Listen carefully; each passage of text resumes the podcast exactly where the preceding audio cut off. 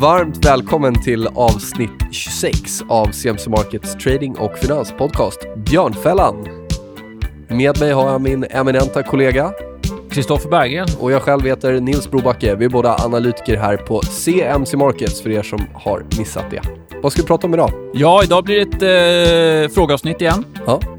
Myndig stämma. Vad ska vi prata om? Våra egna produkter, CFD. Ja, men vi Ja. får ju av förklarliga skäl, vi jobbar på ett bolag som handlar med CFD och vi får ju mycket frågor kring hur det funkar och så vidare. Så vi tänkte att vi tar tillfället i akt och kör en liten utbildning här i poddformat. Sen blir det disciplin. Hur Exakt. tänker vi kring det? Eh, Det blir prat om intressanta makrofaktorer att hålla koll på.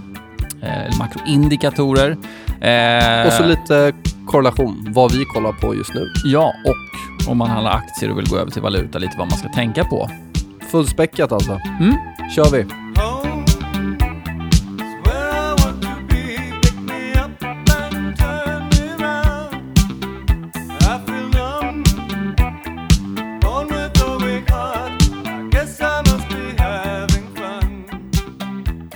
Kristoffer, Ja, Nils.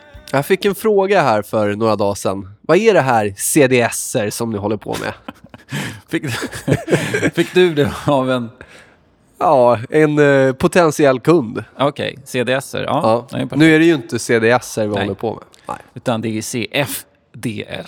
Vi får mycket frågor om eh, produkten Ja. som vi jobbar med. Så därför tänker vi fokusera ganska mycket på eh, det idag. Då. Ja, Lite kort, vad är en CFD? Contracts for Difference står det ju för. precis. Eh, och man kan väl säga att eh, en CFD ger dig rättigheten att ta del av prisförändringen på en underliggande tillgång. Och det kan vara en aktie, det kan vara en råvara, det kan vara en valuta, räntepapper, whatever. CFD speglar värdet på den här tillgången. Det det Så har jag förstått det rätt om CFD är namnet för det syntetiska derivatet? Ja, det lät jäkligt avancerat, men det stämmer väl? Ja, absolut. CFD är ett derivat, tillhör den kategorin. Eh, fördelen med det eh, är ju att de är ju prissättningen är väldigt enkel att förstå för att CFD har i princip samma värde som den underliggande produkten har eller samma värde som den underliggande produkten har. Kostar H&M 220 Aktien alltså, ja men då kostar CFD på H&M 220 kronor. Stiger H&M 10 kronor så stiger CFD 10 kronor och så vidare. Så att en CFD på H&M kostar inte 3,50 eller vad det nu är för någonting. Det finns inget alltså, tidsvärde, sådana saker, utan det är egentligen bara en ren 1 till 1 prissättning. Så dels blir det lättare att bara översätta om man tittar på underliggande tillgång. Ja, Och nummer två så är transparensen bättre också på grund av att vi har inte flera olika variabler att ta hänsyn till. Nej. Det är inte daglig omräkning på hävstången. Det är inte som du säger olika tidsvärden eller liknande då. Utan eh, väldigt rak och enkel exponering mot det man vill handla. precis. Och sen är det ju som så att de som skapar priset på till exempel CFD på H&M då, det är vi som är en så kallad market maker för våra kunder. Så vi blir som en marknadsplats eller handelsplats för våra kunder. På samma sätt som andra aktörer är handelsplatsen för sina kunder. De ställer sina egna priser, om man ska säga. Sen så är det så, man behöver ju, ska vi säga, ställa bra priser för att folk ska vilja handla hos en. Annars gör man ju inte det, så att säga. Så det ligger i egenintresse att ha eh, bra prissättning. Men det är vi som bestämmer. Så om H&M står i 220 nu lite drygt och vi skulle prissätta den till 190 vid en viss rörelse. Ja, det skulle inte bli så bra. Nej, framförallt skulle kanske inte kunder handla med Nej, oss då. precis. Och det är samma sak när det gäller spreadar och så vidare. Nu på vissa... Vi kommer väl in på produktutbudet sen, men tittar man på aktier till exempel så har ju inte vi de minsta bolagen för att vi behöver viss likviditet. Är likviditeten för dålig så kommer våra spreadar vara mycket större än vad de är på så att säga, den riktiga börsen. Och då är det ingen som kommer handla hos oss heller. Så att spreadmässigt skillnad mellan sälj och köpkurs så måste vi också ligga bra för att annars väljer ingen att handla via oss. Dels för att vi ska kunna ge både en köp och säljsida, man ska kunna gå både lång och kort Ja. och även hävstång såklart. Precis, det kommer vi väl in på. Yes. Ehm, ska vi prata lite om fördelarna? Det måste vi göra. Det vi ska vara jag. objektiva. Vi kommer även prata nackdelar. Men Ja. vad har vi för fördelar om man gäller CFD? Det är möjligheten till att handla så många olika produkter. Alltså tillgången till att kunna handla i princip hela världens aktiemarknader, råvaror, valutor, index, räntepapper. Eh, det är väldigt väldigt, väldigt bra. Och man har den möjligheten och det, det är ganska unikt för produkten CFDR. Sen är det klart, är man en väldigt, väldigt stor aktör, ja, men då får man tillgång till väldigt bra spreadar och handla underliggande och så vidare. Men som inom situationstecken vanlig handlare att få ta del av den här produktpaletten, alltså i princip hela världens pristillgångar och handla, det, det är en otrolig fördel. Sen handlar man trendföljande till exempel, som vi kommer prata lite in på, då är ju en förutsättning att man har tillgångar som trendar. Så behöver man ju mycket saker att kolla på. Mm. Sen kan man ju handla om man är intresserad av det. Det är också en, en vanlig missuppfattning att man måste använda det, men man kan handla med hävstång om man tycker det känns intressant. Eh, som du var inne på, man kan gå lång och kort. Man spekulerar i upp och nedgång om man tror att någonting kommer falla i värde. Sen så är det som så, det är ju populärt med hävstångsprodukter eh, nu för tiden. Börsen går ju bara rakt upp känns det som.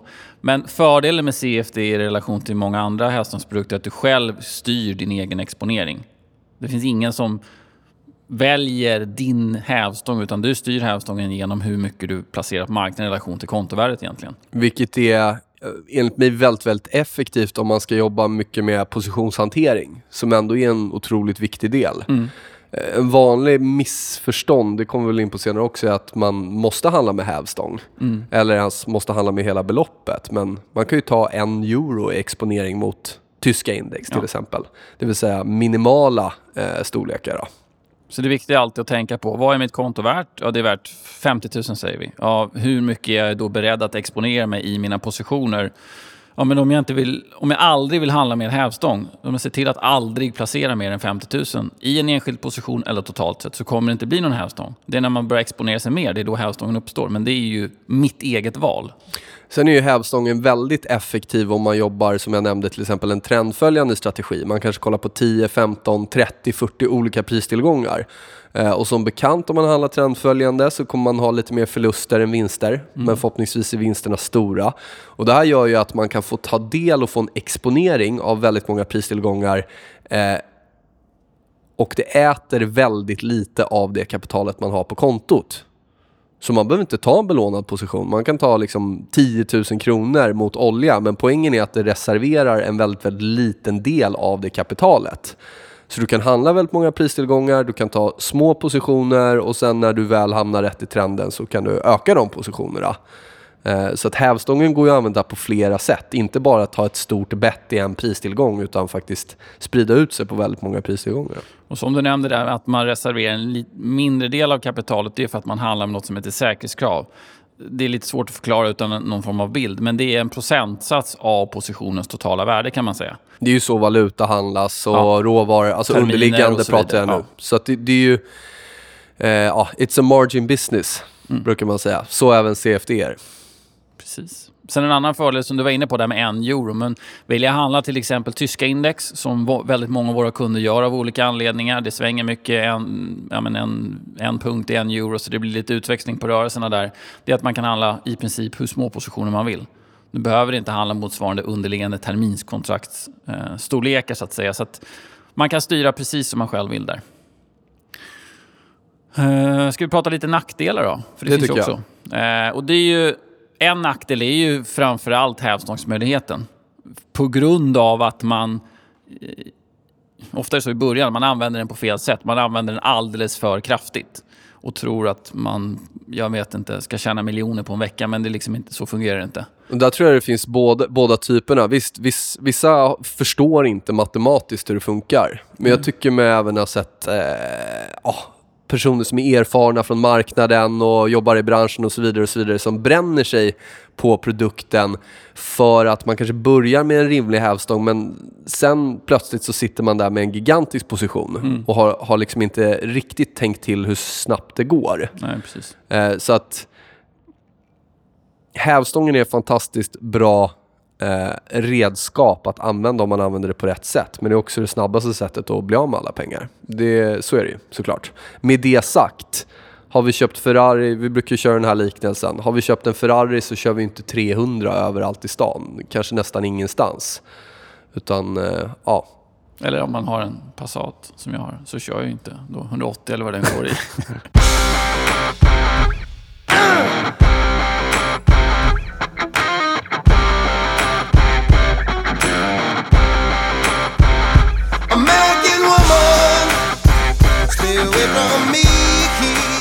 annan nackdel eh, med CFD också det att man, eh, och det hör ihop med det här med att handla med extremt kraftig hävstång, det är att man kan hamna minus på kontot. Eh, hamnar man på minus så har man varit ganska oförsiktig skulle jag väl vilja säga. Men låt säga, för att ta det som ett exempel, vi säger att jag har 50 000 på kontot och så tar jag en position som är värd 100, eh, en miljon på marknaden. Av någon anledning den är öppen över eh, natten och sen så eh, öppnar marknaden ner 10% som ett exempel. En väldigt kraftig rörelse, men det sker säger vi. Då torskar jag 100 000 på den positionen och eftersom det sker i ett svep så betyder det att vi som företag kan inte gå in och agera och stänga positioner som vi gör Ja, marknaden är ju stängd. precis. Eh, Och sen öppnar priset upp någonstans och där, då är det där det prissätts så att Ja. säga.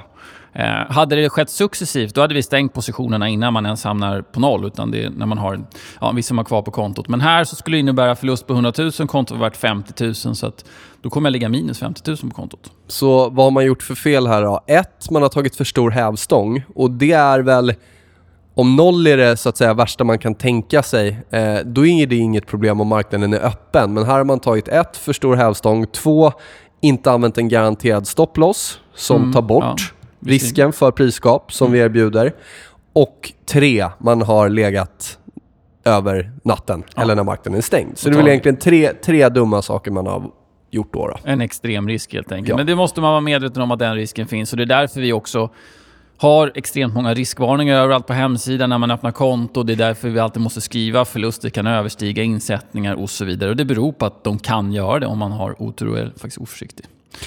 Kan vara bra att tänka på om man handlar till exempel svenska aktier och är väldigt kortsiktig och handlar små positioner. Eh, Då blir ju vår courtage relativt dyrt. Många av våra produkter är ju courtagefria. Index, valuta, råvaror, räntepapper. Men ETF och aktier har ju ett courtage. Ja. Så det kan vara viktigt att tänka på. att Handlar man väldigt små volymer, eh, då måste man ta hänsyn till minimicourtaget. Eh, courtaget då. Och då kanske det krävs en lite längre resa eh, i den produkten man handlar. Gäller då inte de andra med bara spread där. Där är det alltid procentuellt. Så att där kan du egentligen vara hur kortsiktig som helst och hur små eller stora positioner som helst. Exempelvis om man nu handlar svenska index någon, eller svenska aktier någon annanstans och vill börja bli lite mer aktiv eh, så kan man ju ta positioner då till exempel svenska index som är courtagefritt. Men det är viktigt att tänka på att vill jag nu bli en daytrader och sen så ska jag mm, köpa 10 H&M eller någonting eller vad det nu blir, ja, då, då kommer courtaget äta upp en väldigt stor del av transaktionskostnaderna. Så det är viktigt att tänka på. Övriga kostnader, när vi ändå pratar om det, du var inne på spread. Just det. Det är ju en, vad ska vi kalla en indirekt kostnad. Det är ju skillnaden mellan sälj och köpkurs. Jag köper på ett pris och får sälja på ett annat pris och det är en liten skillnad däremellan. Eh, Som trader så ska vi ju se det som en kostnad. Ja, Det är det vi ska slå för att nå break-even. Och i våra likvidaste produkter, eh, DAX, de stora amerikanska indexarna, valuta och så vidare, så är det ju extremt billigt att handla. Vi pratar ju liksom runt 0,01 procent Ja, i spread. Ja. Runt där, Li- lite varierande. Och de flesta söker ju inte en rörelse som är så pass liten då. Utan i princip är det så billigt att man kan bortse från handelskostnaden. Därmed, där, med det sagt, om man tar väldigt stora positioner relativt till sitt kontovärde, då måste man ju tänka på att det är en procentsats hela tiden. Så då blir ju spreaden, slår ju den lite större då. Men håller man en rimlig hävstång så är det, ja, kan man nästan bortse från den eh, kostnaden då, menar jag på. Och sen är det som, alltså spreaden är ju procentuellt sett alltid samma. Om man inte tar väldigt stora positioner så att man får igenom orden på, med en större spread så att säga. Men Ja, då skulle du ju ta uppåt en 100 miljoner i ja, daxen. om eller man nu pratar index, Ja. precis. Men om kontot är värt 5 000 eller 5 miljoner så procentuellt sett är ju spreaden densamma. Sen ska man ju tänka på att det finns ju en... Om man har positionen öppen över natten så finns det något som heter innehavskostnad. Eh, som är en procentsats och den varierar beroende på vilken typ av produkt det är. Eh, om det är en valuta, råvara och så vidare. Men pratar man index och aktier så är det eh, 2,5% som vi gör som ett påslag plus då interbankräntan i det landet. Ja, som man handlar. Per år, i dagsläget runt en 2% tror jag. Det där var rätt intressant. Jag kommer ju från eh, institutionella eh, sidan, eller fondsidan, innan jag kom hit. Och de spreadarna vi handlade eh, valuta till till exempel, och det var det via SEB, Eh, de var ju faktiskt dyrare än vad man handlar idag som Mm. retail trader. Så jag tycker det är ganska intressant Ja, det är ju- hur, hur produktutvecklingen har gått fram och vad man har för palett idag Mm. egentligen. Det har ju verkligen gått ner kostnadsmässigt i princip alla pristillgångar man kan handla. Ja, det och, ser man ju på nätmäklarna, tar ju bort courtagen, de sänker dem till miniminivåer. Nu börjar jag tror att Nordea var den senaste banken som gick ut och gjorde det också, så att det går ju mot... Det känns som att priskriget har lugnat ner sig lite på courtagesidan, men nu har det eh, tagit fart igen. Så nu börjar de ju slice överallt. Ehm, sen kan vi nämna att vi kör ju ganska mycket utbildningar. mm, stämmer. Eh, vi har dem online varje vecka. Eh, och det är framför allt för att alltså produkten som sådan är ju det är en väldigt bra produkt. Men man måste hålla koll på ja, men det här med riskhantering så att man inte överexponerar sig och så vidare. och så vidare. Så det Vi har vi, inte, mycket ja, på. exakt. Vi har ju inte bara Nej, nej, så att säga, det- produktspecifika utbildningar eller plattformen, utan det är, vi pratar även tradingstrategier och nu på fredag kommer jag live-trada till exempel om man är Just det. intresserad av det under NFP. Men eh, som allt annat, även om man har rutin från aktiehandel eller vad det nu är, så är det klart att det tar alltid lite tid att acklimatisera sig till produkten och då försöker vi hjälpa till där. Ja, men vi har väl en, kan det vara en tio olika utbildningar som vi snurrar, kör online. Mycket inspelat också Ja. finns. Eh, För att hjälpa till framförallt i början innan man känner att man är riktigt varm i kläderna. Eh, sen så vi har varit inne på det, men det finns ju som sagt lite missuppfattningar eller missförstånd när det gäller CFD. Och det är inte bara de som kanske är helt nya till, eh, till aktiv handel eller investering. Det har, har man ändå från de som har varit med ett tag. Att man har inte riktigt koll på hur produkten fungerar. Jag tror att det har att göra med att vi och många av våra konkurrenter är noga med att alltid prata om riskerna. I reklam överallt måste stå om risken. Eh, vilket gör att man tror att det här är livsfarligt bara för att det står att man kan förlora mer än insatt kapital. En vanlig fråga är ju också om plattformen kostar. Och det gör den Ja. ju självklart inte. Den Nej. är kostnadsfri. Ja, exakt. En vanlig missuppfattning och en fråga som vi eh, får ibland i alla fall ska sägas, det är handlar ni mot era egna kunder så tjänar ni pengar om kunden förlorar pengar. Och förvisso finns det firmor där ute som gör så, men ska man vara stor och seriös som vi är så funkar det inte att tjäna pengar på det sättet. Vi är börsnoterade. Det- ja. Alltså det, Dels är vi börsnoterade, så ett är det ju hur man, ja, vad det ger för signal mot ens kunder, men sen är det också en extrem affärsrisk. Det finns exempel på firmer som har gått under för att de har positioner mot sina klienter. Då. Så att eh, vi sysslar med att ställa marknad och vi ska i eh, i princip alla fall vara nettade, det vill säga inte ha någon exponering i marknaden. i, man ska tydliga, vi, vi hedgar kundernas positioner så att vi inte har någon risk i rörelsen i positionerna kan man säga. Exakt. Ehm, Och i vissa fall så har vi till exempel mer volym som vi erbjuder i till exempel DAX en underliggande marknad. Mm. Och det är ju för att det är så många som handlar hos oss, så vi kan nätta ut de affärerna. Då. precis. Ett annat eh, om säger, vanligt missförstånd det är ju återigen om vi tar det där med hävstången, att det skulle vara ett måste att handla med hävstång. Mm. Och återigen, jag skulle snarare säga att det är tvärtom. Att här kan man ju handla extremt små kontraktstorlekar. Eh, mindre än vad jag har sett någon annanstans. Alltså decimaler av kontrakt som vi var inne på. En euro mot eh, eurodollar eller en euro mot daxen till exempel. Så att eh, hävstången finns där att använda, men använd den på rätt sätt. Och är man nybörjare ska man helst, då ska man inte använda den överhuvudtaget. Nej, då kan man Alltså, vänta lite. Eller även om man är, är man revfaren behöver man inte heller använda den. Alltså det, då kan man bara utnyttja att det är billigt att handla så att säga. Sen är det här med riskhantering.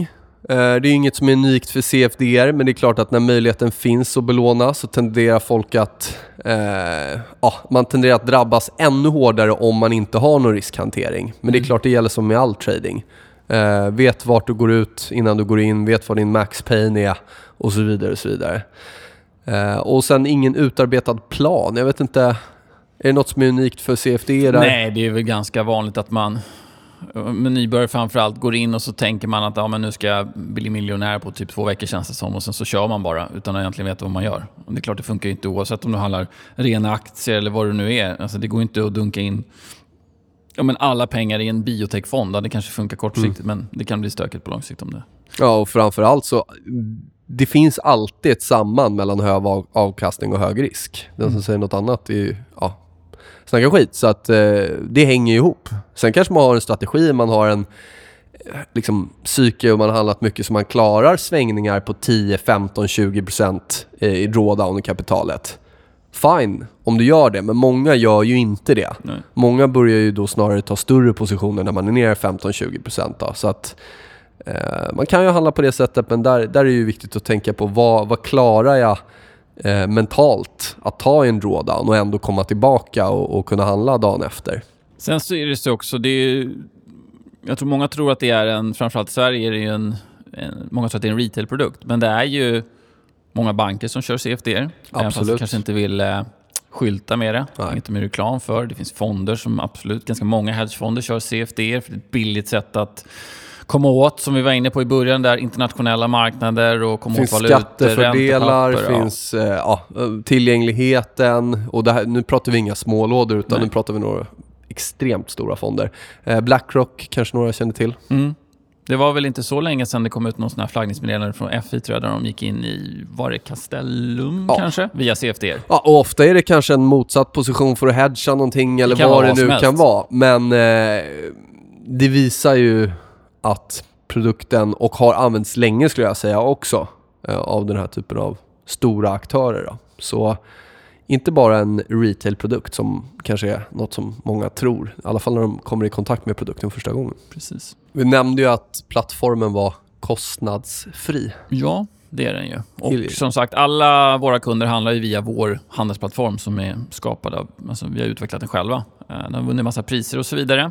Eh, så där finns väl egentligen det man behöver. Det finns teknisk analys, realtidskurser som vi varit inne på på extremt många marknader. Man kan ju placera en mängd olika ordertyper, stop loss, limit, take profit, stop entry och så vidare beroende på strategier man använder.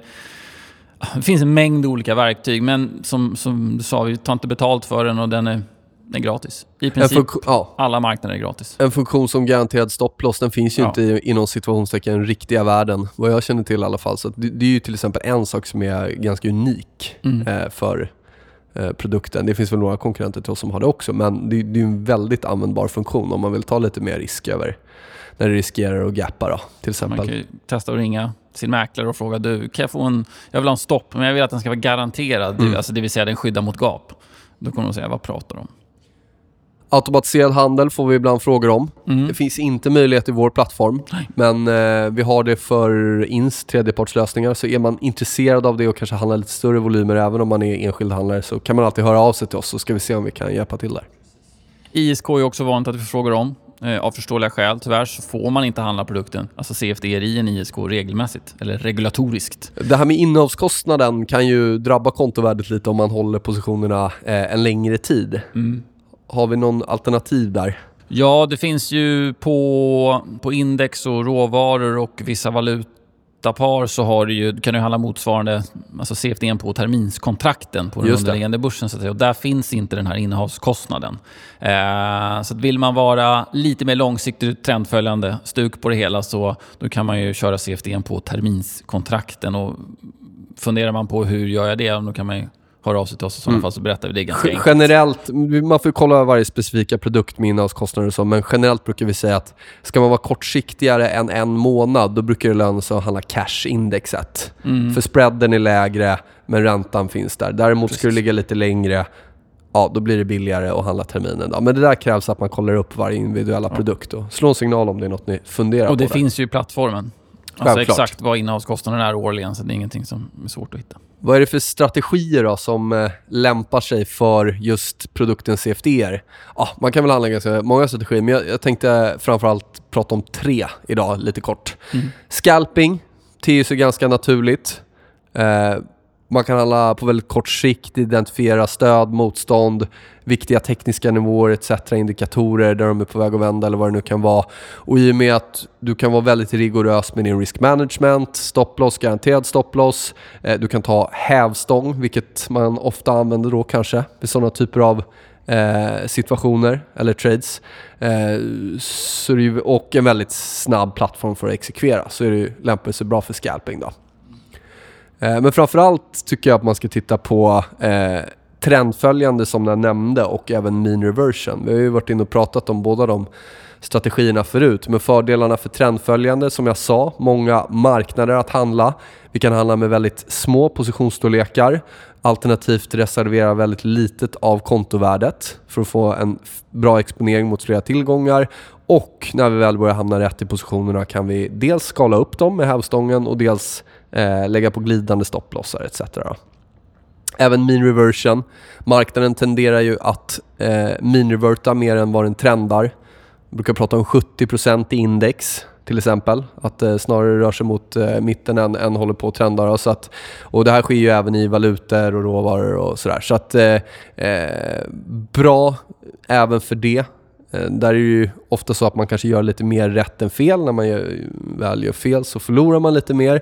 Men det är återigen billiga handelskostnader, många produkter att handla, eh, enkelt att få en exponering och man eh, reserverar ganska lite av kontovärdet då när man väl tar en position. Sen är det ju inte så att man måste ha all handel hos oss.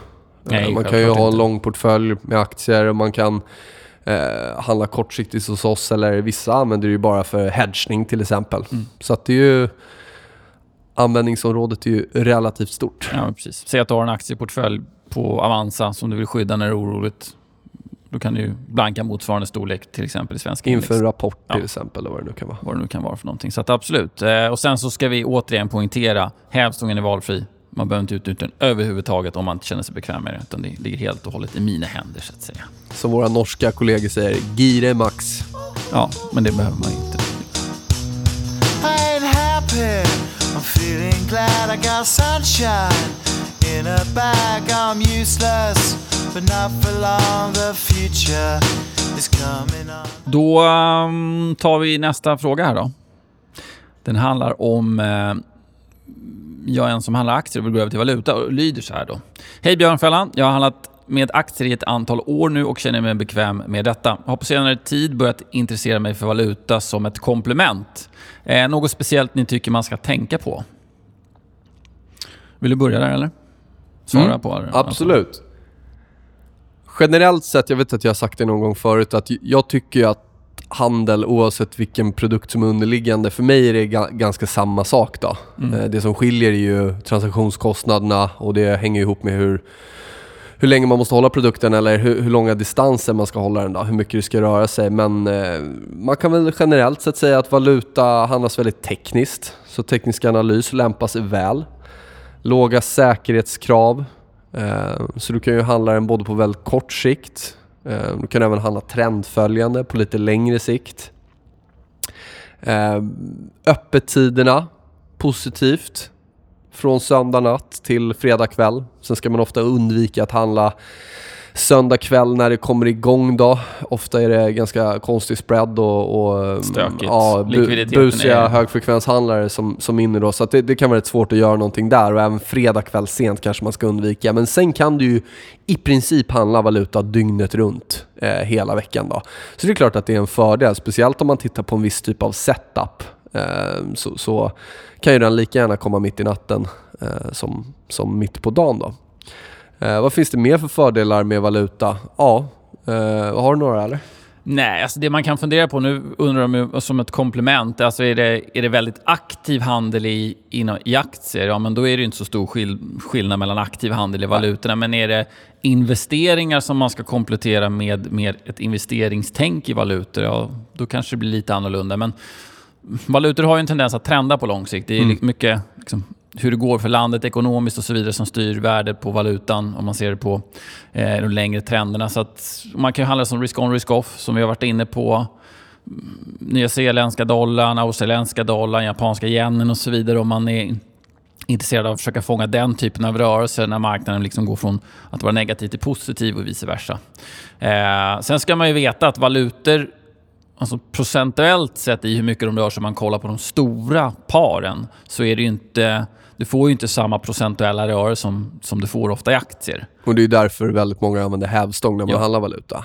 Eh, som ett exempel bara, om man kollar på eurodollar har rört sig 2015 till 2017, alltså högsta, högsta till lägsta eh, pris så att säga, så är det runt 12 procent. Och det pratar två år. Ehm, Ja, den har ju, även om, alltså kollar man på nu är det en kortare extrem sikt. period. Ja. Ja. Kollar man på kortare sikt så trendar den ju förvisso, men det är klart att zoomar man ut så har det ju varit sidledes. Precis. Och det, det jag tid. menar är att om man kommer från aktier så är man van kanske vid att de rör sig ganska mycket procentuellt sett om man tittar över lite längre period. Men valuta har inte riktigt samma eh, utväxling. Eh, så att man bara är medveten om det. Men å andra sidan 2014 så high-low i eurodollar var 20% så ibland kan det röra sig.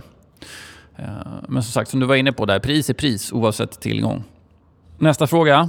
Ehm, ni har ju pratat om korrelation vid ett, vid ett antal tillfällen. Ehm, har ni några sådana korrelationer just nu som ni tittar på?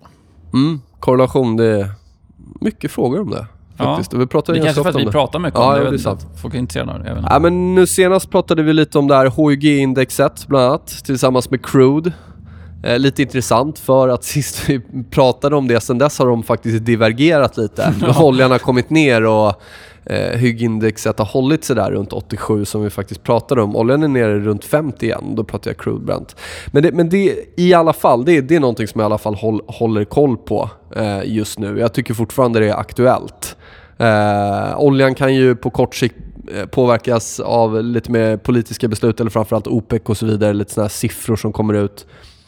Eh, guldet är någonting som man kollar på när det gäller eh, korrelation med börsen upp eller ner, men det är inte alltid så att det funkar klockrent.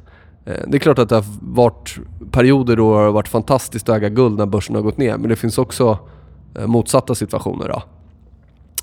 Eh, men jag håller fortfarande koll på guldet och framförallt kanske hur det beter sig vid viktiga signifikanta nivåer.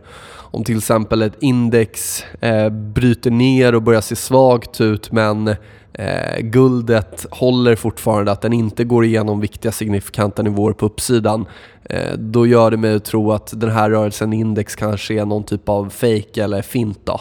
Eh, Så att jag vill ju gärna så, se, som jag sa förra gången, att flera av de sakerna jag kollar på parar upp sig. Eh, och då var jag annars intressant. Yen funkar fortfarande väldigt bra som risk-on, risk-off tycker jag. Så US-dollar yen framförallt, då kollar jag på. Så om eh, den pristillgången går upp eh, så är det risk-on och vice versa. Om yenen stärks så är det risk-off då.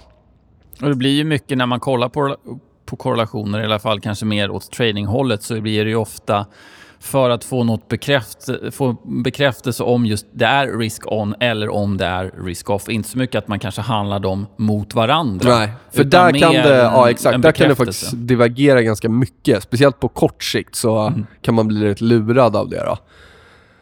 US-dollar, euro eller euro-US-dollar är väl det paret som är vanligast och det är intressant också. Ehm, just nu är ju euron risk-on-traden, får Mm. man ju säga, om man tittar på börsen. För några år sedan så var det dollar som var risk-on-traden eh, och innan det så har ju dollarn varit risk-off-traden. Så att det går ju verkligen i perioder. Men just nu sitter jag och kollar på euron för det, det, är det, det verkar vara det som hänger ihop med om börsen går upp. Då. Eh, Och sen USAs tioåring, det var Anders inne på att prata om tidigare, men det, den är väldigt, väldigt bra att kolla på. Då är det T-noten som jag pratar om där.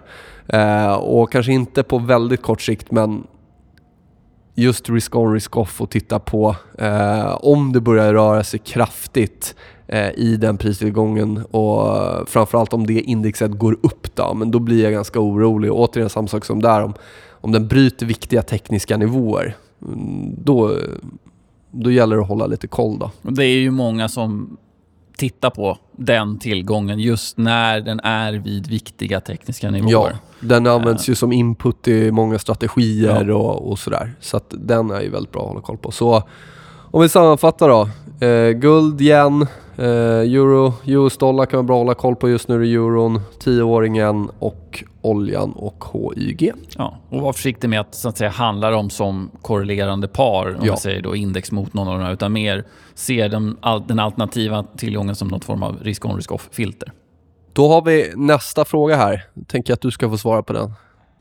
Jag har sysslat med aktiv handel i några månader nu. Har strategin klar för mig, men har svårt att hålla fast vid den under längre perioder. Så det här handlar väl om disciplin då, då? Ja, precis. Det låter ju så. Eh, och det är, ja, det är inte ovanligt att man kanske har lite svårt med disciplinen. Eh, jag tror att Alltså själva disciplinen i sig, eller att vara odisciplinerad i sig tror jag nog inte är det som är problemet. Utan ofta finns det en anledning till att man blir odisciplinerad. Det kan ju vara massa olika saker, men det kanske vi kommer in på här. Men målet ska väl ändå vara någonstans att man ska behöva tänka, framförallt om man är aktiv, där det krävs lite snabbare beslut, att man ska behöva tänka så lite som möjligt när man går in i sin position. Det ska inte finnas någon tvekan. Sen betyder inte det att det kommer bli rätt när jag går in i min position, men jag ska inte behöva tveka och fundera och vrida och vända på det, utan det ska vara pang på rödbetan så att säga. Viktigt är, handlar man en strategi börjar divergera för den och göra olika grejer, då kommer man nästan alltid att ta förlusttradesen i varje strategi. Man Mm. kommer ha inom situationstecken otur. Och det där är någonting som jag har pratat om tidigare att några av de absolut viktigaste egenskaperna till personer som har lyckats med investeringar och trading är ju att de har kunnat hålla fast vid sin strategi. Och det gäller ju både på lång och på kort sikt. Precis. Och har man inte disciplinen så blir det svårt att hålla, hålla fast vid strategin. Då går man på lite magkänsla och så vidare. Men det är en ganska bra liknelse. Ja. Tycker Nå- jag är bra för att jag har tagit den. Men det är att tänk dig en forward. Du har liksom du, ett friläge, en VM-final. Den, det friläget kommer förmodligen missa. Alltså forwarden kommer skjuta utanför fler gånger eller om det blir en impulshandling i straffområdet där han bara skjuter på mål. Jag, jag misstänker att det är så för att behöver du, börjar du tänka istället för att agera på liksom ryggmärgen, då kommer det bli sämre. Jag tror att det är samma sak relaterat till trading och investeringar. Man, man ska inte tänka för mycket. Nej, och thaiboxning. Kan du dra den parallellen också? Du menar att man... Ja men det ska komma bara. Du kan inte stå och liksom tänka över din eh, Nej. spark i två minuter. Den ska ju komma när läget öppnar sig liksom. Ja. Så det finns ju massa paralleller att dra där. Och hur kan man lösa det här då? Jo, eh, dels kan man ju skaffa sig någon form av checklista eller någon plan för hur man ska agera. Sen så kan man inte sitta där när det väl är skarpt läge och ja, men, gå igenom den och tänka att hur skulle jag göra nu? Utan det får man ju förbereda sig på innan. Men det finns ju en anledning till att man har en checklista. Det är för att man ska... Liksom, man har givna punkter som man utgår ifrån och när de säger go så är det go. Det är lite som, jag vet du gillar den där parallellen med piloter. Ja. Min eh, gode vän är ju stridspilot. Och de har ju väldigt många rutiner Mm. och checklister. Eh, däremot så säger jag att det är ju aldrig någonting som egentligen behövs förrän det faktiskt skiter sig ordentligt. Det är då du behöver de här listorna och, och rutinerna för, Mm. för att hjälpa dig. Och det är lite samma sak med trading. Trading är inte så svårt när det går bra och när, och när tradesen radar upp sig och det fungerar bra. Men det är när man hamnar i en situation där man har tagit några förluster i rad, det börjar kännas jobbigt, man kan kanske ha tagit för mycket risk, man kommer utifrån och in och ska handla med antingen alldeles för mycket positiva känslor, man börjar närma sig hybris, eh, alternativt tvärtom att man eh, är eh, åt andra hållet. Då. Det är då de här rutinerna blir otroligt viktiga. Mm. Och hamnar man i en sån situation, då måste man också hitta sätt att kliva ur den så att säga psykologiska eh, påverkan. Om det är att gå och träna, eh, äta någonting, kasta en mus i väggen, slå på en boxningssäck. Ja, eh, då, då är det okej liksom. Ja. Så länge man inte tar en stor förlust för att man har agerat orationellt och inte enligt sin egen strategi. Eh, ni får hitta vad det är som passar men är vi kortsiktiga och handlar, då finns det ingen timme på hela året, eller faktiskt inte ens eh, ingen dag på hela året som är så pass viktig att vi inte kan missa den. Nej. Och med det menar jag att är vi i ett sånt tillstånd så ska vi inte handla. Då gör vi något annat. Och så kommer vi tillbaka nästa dag. Precis. Och om man har möjlighet, fundera på... Om man nu vet med sig att man blir lite odisciplinerad med jämna mellanrum, fundera, på, fundera igenom på när blir jag det? Är det när det har gått dåligt? Vissa blir det när det har gått för bra, för att då tror man att man kan göra vad som helst och man bara gör vinster och så vidare. Andra blir det när, som du var inne på, man inte fått tränat, man kanske har bråkat med sin respektive vad det nu är för någonting. Fundera ut på okay, vad, i vilka situationer blir jag odisciplinerad och sen så försök eliminera det. Och sen är det klart att det är svårare att vara kortsiktig och handla med mer hävstång. Så det, det kommer vara lättare att hamna i den mentala fasen om ju kortsiktigare vi är och ju, desto större positioner vi tar. Så är det. För att det blir så mycket mer mentalt påverkad än om du köper Novo och så ska du ha den i 30 år för att du tror att folk kommer få mer diabetes runt om i Ja, världen. eller men till och med fan. 30 dagar. Ja, men alltså det... En tre minuter. Precis. En gammal eh, förvaltarkollega till mig sa ofta, han var väldigt senior, eh, varit länge i branschen, sa det att trading ska vara det ska inte vara roligt och det ska inte vara jobbigt utan det ska bara vara lagom. Så fort man börjar känna de där jätteglada känslorna eller jobbiga känslorna då är man ute eh, på riskskalan. Och då kanske man ska lugna ner sig lite. Då behöver man en, en käftsmäll, en förlust för att komma tillbaka till... Ja, eller bara ta en paus. Ja. Så att man in, inte säger... Det, det är en ganska bra tell att någonting börjar kännas riktigt jobbigt eller riktigt, riktigt bra. Då är man ofta kanske eh, ja, lite snett ute eller i alla fall på väg att komma dit. Ett stort problem som, som många har det är just positionshanteringsbiten. Det är inte att man alltid tar för stora positioner kanske, utan att man jobbar med lite dålig riskhantering och så vidare. Men eh, har man ett positionshan en positionshanteringsproblematik så kan man ju fundera på, okay, hur agerar jag känslomässigt om jag har lite större positioner i marknaden i relation till om jag har lite mindre positioner i marknaden. Är det någonting där som gör att jag blir mer odisciplinerad, blir mer orolig? Ja, men då är det ganska lätt svar på frågan. Ta inte så stora positioner. Nej. Och, var, och också var inte så eh, ego. Ha... Jag, jag satt i ett möte med Claes-Henrik Julander för några år sedan. Eh, det är den här killen i, i rött hår och fluga som var med och startade PAN, Sveriges mest framgångsrika tradingföretag någonsin. Eh, och han berättade att de testade saker med lite size och gick det fel så skrattade de åt varandra och gick det bra så skalade de upp. Jag tyckte det var en ganska rolig, bra förklaring till liksom ett, ja, Sveriges mest framgångsrika tradingbolag. Att eh, det är så man ska göra. Man ska testa någonting och inte vara rädd för att göra fel. Eh, och har man fel så ska man kunna gå vidare från det, men om man väl har rätt så ska man göra det med större position. Då. Ehm, och det tycker jag att det kan vi alla dra en, liksom en lärdom av. Att, att testa och göra fel är inget problem, men gör inte fel för mycket. Precis. Ska, vi, eh, ska det få summera den här frågan? Gör inte fel för mycket. Använd dig av en plan och checklistor som en stridspilot. You'll be a woman soon.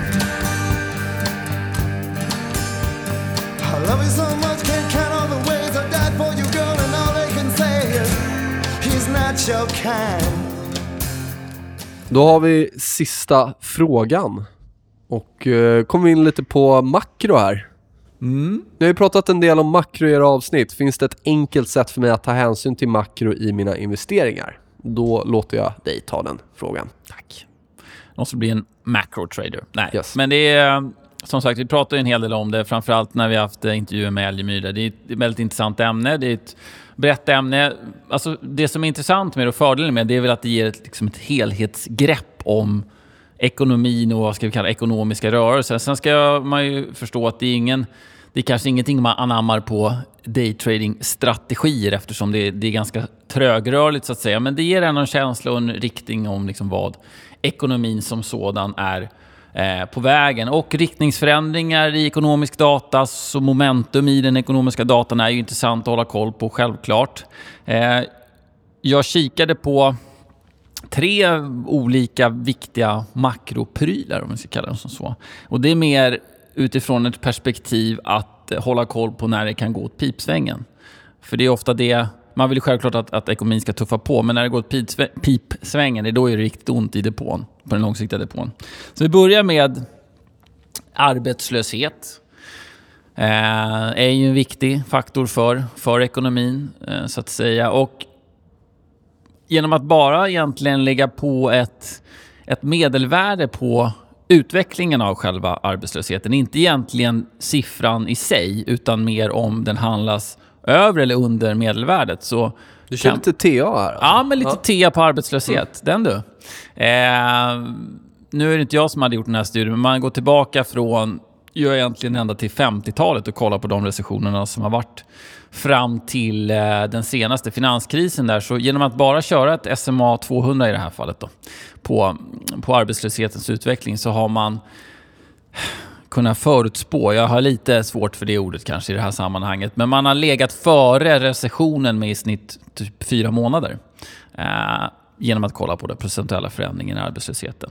Sen kan man ju också... ah, jag pratade om att man kunde se det, liksom få en föraning om vi går in i sämre tider när det gäller just arbetslösheten. Att använda det också som ett filter på en befintlig strategi. Att egentligen ha, när vi så att säga i det här fallet då handlas över det glidande medelvärdet för arbetslösheten så går vi ur positionerna. Varför gör vi det? Jo, för att det är en signal om eventuellt sämre tider framgent. Ja. Som att inte ta några långa positioner om vi handlas under EMA 50.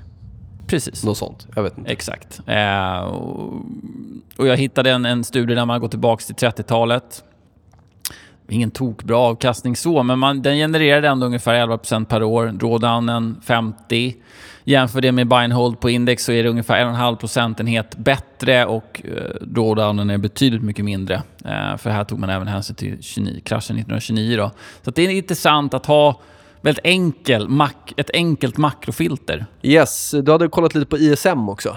Eller hur? Fanns lite... Inköpschefsindex. Exakt, det fanns lite intressant fakta där. Precis. Och det är den amerikanska varianten. Då kan man fundera på varför ska man prata om USA? Vi bor i Sverige. Ja, men USA har en ganska stor ekonomi.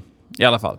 Eh, men vad ISM är, det är en intervju med massa inköpschefer runt om i, bland stora amerikanska bolag. Eh, egentligen känslan som de har och hur det ser ut i bolagen. Lite som ett... Man sätter örat mot marken och hör vibrationerna. Men i alla fall, det, det man ska ha lite koll på där, det är egentligen när ISM börjar komma ner på, på låga nivåer. En form av normalnivå är 50. Håller vi oss över 50 så indikerar det tillväxt. Men när vi börjar komma ner mot en 47 så har det tidigare i alla fall historiskt sett inneburit recession i USA. Eh, vid ett flertal tillfällen. Så att kommer vi ner dit, vi är inte ens i närheten där, vi är på 54 ungefär i dagsläget, då ska man vara lite försiktig. Ehm, Du hade även kikat lite på räntan där, stämmer det? ja, det stämmer. Eller yield curve, som man säger. Avkastningskurvan på obligationer. Ja. Det kan ju också låta lite suspekt. Men varför? Anledningen till att det är intressant, och återigen så handlar det om att försöka undvika scenarion där det ser ut att det går åt pipan i ekonomin och där det smäller till ordentligt i depån. Så det man vill kolla på, det är egentligen lutningen på den här avkastningskurvan. Och vad säger lutningen? Jo, man plottar ut obligationer, statsobligationer med kort till lång löptid. Och det man vill ha är att den korta löptiden har egentligen en lägre ränta än den långa för det signalerar att fram, alltså framgent så förväntar man sig tillväxt, man förväntar sig inflation och räntan är högre för att det blir lite högre risk ju liksom längre löptid det är på saker och ting. Men när de här blir inverterade, det vill säga när den korta obligationen, oftast tre månader till två år, jämför man mot den tioåriga obligationen, när de inverterar, då är det lite fara och färde. För då eh, signalerar att investerare dunkar in pengar egentligen i långa obligationer vilket trycker ner räntorna för att man är orolig för någonting. Och när det har skett vid tidigare tillfällen så har vi haft en recession inom ett år ungefär om man tittar på den amerikanska marknaden. Vill man hålla koll på den här uh, yield curven som det heter, gå in på, jag tror att det är St. Louis Fed, Fred eh, heter den sidan, så kan man hålla koll på det. Eh, så gör det. Så det var alltså tre bra makrofilter vi kan kika på. Ja, Arbetslösheten, arbetslöshet ISM, och yield curve. yield curve. Stämmer bra det. Men som sagt, är man en trader, ja då kan man kasta dem ut genom fönstret.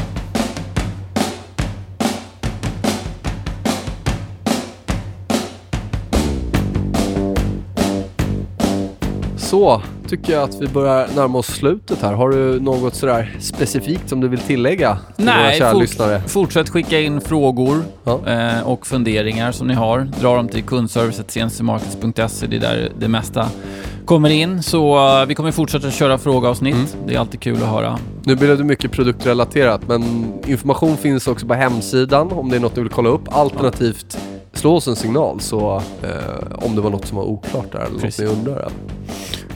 Men annars så eh, tycker jag vi tackar för oss. Ja, har ni, vill ni lämna en liten review så gör det. Just det. Ehm, nej, annars har jag inget mer att tillägga faktiskt. Då säger vi så. Jag önskar en fortsatt trevlig dag och en trevlig helg. Det här kommer ut på fredag. Idag är det onsdag, kan vi säga. Ha det gott! Ha det, hej då!